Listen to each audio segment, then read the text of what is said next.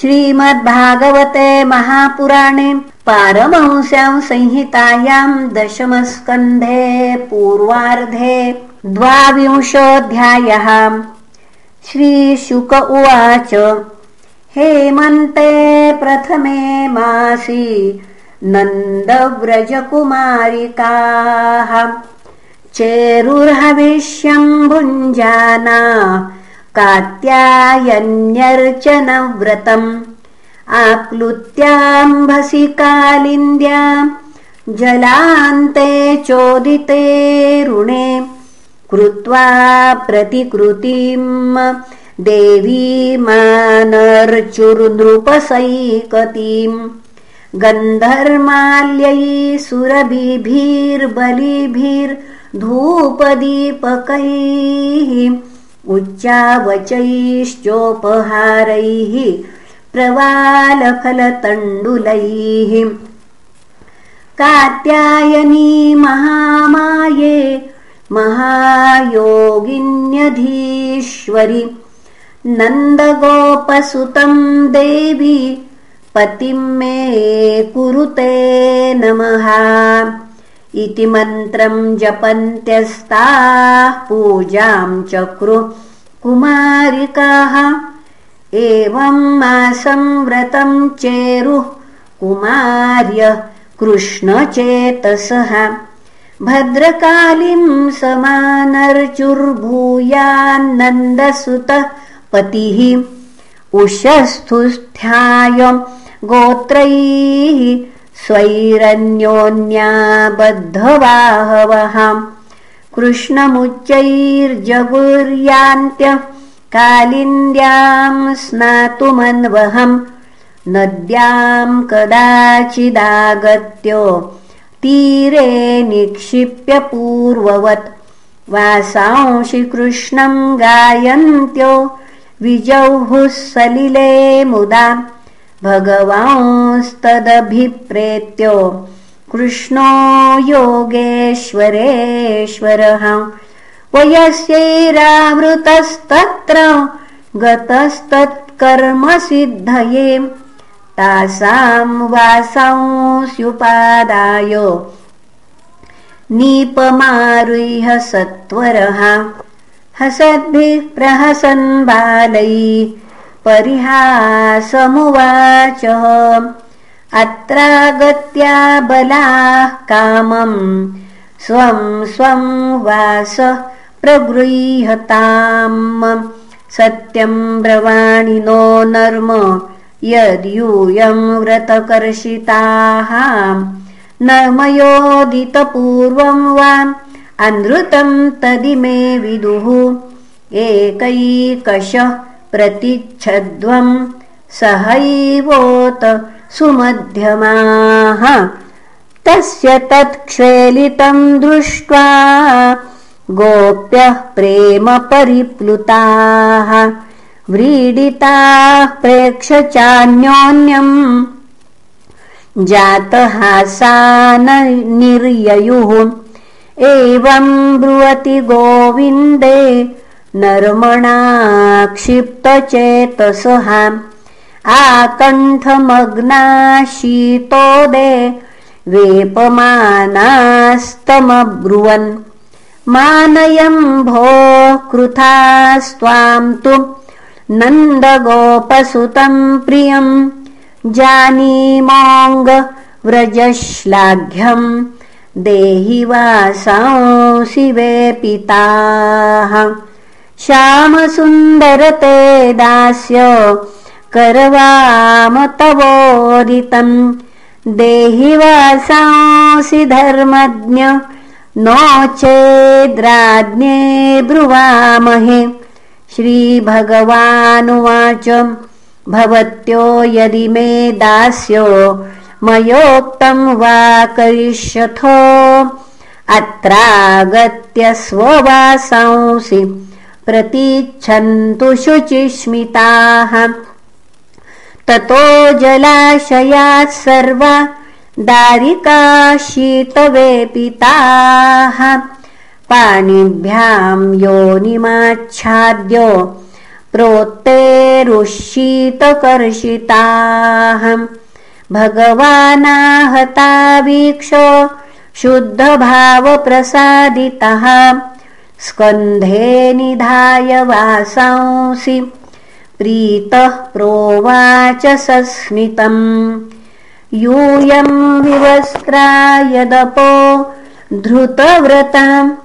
व्यगाहतैतत्तदुदेव हेलनम् बध्वाञ्जलिम् मूर्ध्यपनुत्तये हस कृत्वा नमोधो वसनम् प्रगृह्यताम्। इत्यच्युतेनाभिहिता व्रजाबला मत्वा विवस्त्राप्लवनम् व्रतच्युतिम् तत्पूर्तिकामास्तदशेषकर्मणाम् साक्षात्कृतम् नेमुरवद्यमृगयतः तास्तथा वनता दृष्ट्वा भगवान् देवकीसुतः वासांसिताभ्य प्रायच्छत् करुणस्तेन तोषितः दृढम् प्रलब्धास्त्रपया च हापिताः प्रस्तोभिताः क्रीडनवच्चकारिताः वस्त्राणि चैवापरुतान्यथाप्यमुम् ताम्नाभ्यसूयन् प्रियसङ्गनिवृत्ताः। परिधाय स्ववासांसि प्रेष्ठसङ्गमसज्जिताः। गृहीतचित्ता नो चेलुस्तस्मिन् लज्जायिते क्षणाः तासाम् विज्ञाय भगवान् स्वपादस्पर्शकाम्यया धृतव्रतानाम् सङ्कल्पमाह दामोदरो बलाः सङ्कल्पो विदितः साध्व्यो भवतीनाम् मदर्चनम् मयानुमोदितः सोऽसौ सत्यो भवितुमर्हति। न मय्यावेशितधियाम् कामः कामाय कल्पते। भर्जिता क्वथिता धाना प्रायो बीजाय नेष्यते। याता बलाव्रजम् सिद्धा मये मारंस्यथ क्षपाः। यदुदिश्य व्रतमिदम् चेरुरार्याचनम् सतीः।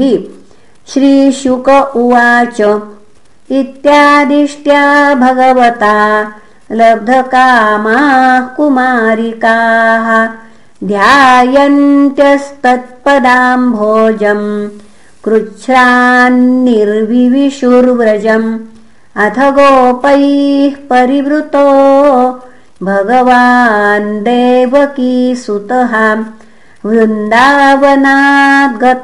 दूरम् चारयन् गासहाग्रजः निदाघार्कातपेतिग्मे छायाभिः स्वाभिरात्मनः।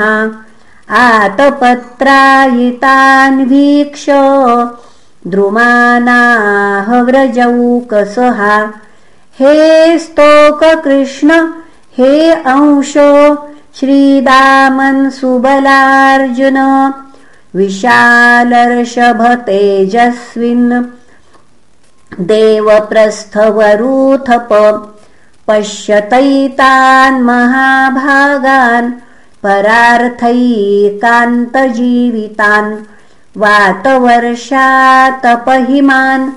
सहन्तो वारयन्ति नः। अहो एषाम् वरम् जन्म सर्वप्राण्युपजीवनम्। सुजनस्येव येषाम् वै विमुखा यान्ति नार्थिनः। पत्रपुष्पफलच्छाया मूलवल्कलदारुभिः गन्धनिर्यासभस्मास्थिस्तोक्मयी कामान्वितन्वते। एतावज्जन्मसाफल्यम् देहिनामिह देहिषु प्राणैरर्थैर्धिया वाचा श्रेय एवाचरेत् सदा। इति प्रवालस्तबकः फलपुष्पदलोत्करैः तरुणां नम्रशाखानां मध्येन यमुनां गतः तत्र गाः पाययित्वाप सुमृष्टा शीतला शिवाः। ततो नृपस्वयं गोपा कामं स्वादुपपुर्जलम्। तस्या उपवने कामं चारयन्तः पशुनृप कृष्णरामावुपागम्य क्षुधार्ता इदमब्रुवन्। इति श्रीमद्भागवते महापुराणे पारमहंस्यां संहितायां दशमस्कन्धे पूर्वार्धे गोपीवस्त्रापहारो नाम द्वाविंशोऽध्यायः श्रीकृष्णार्पणमस्तु। हरये नमः हरये नमः हरये नमः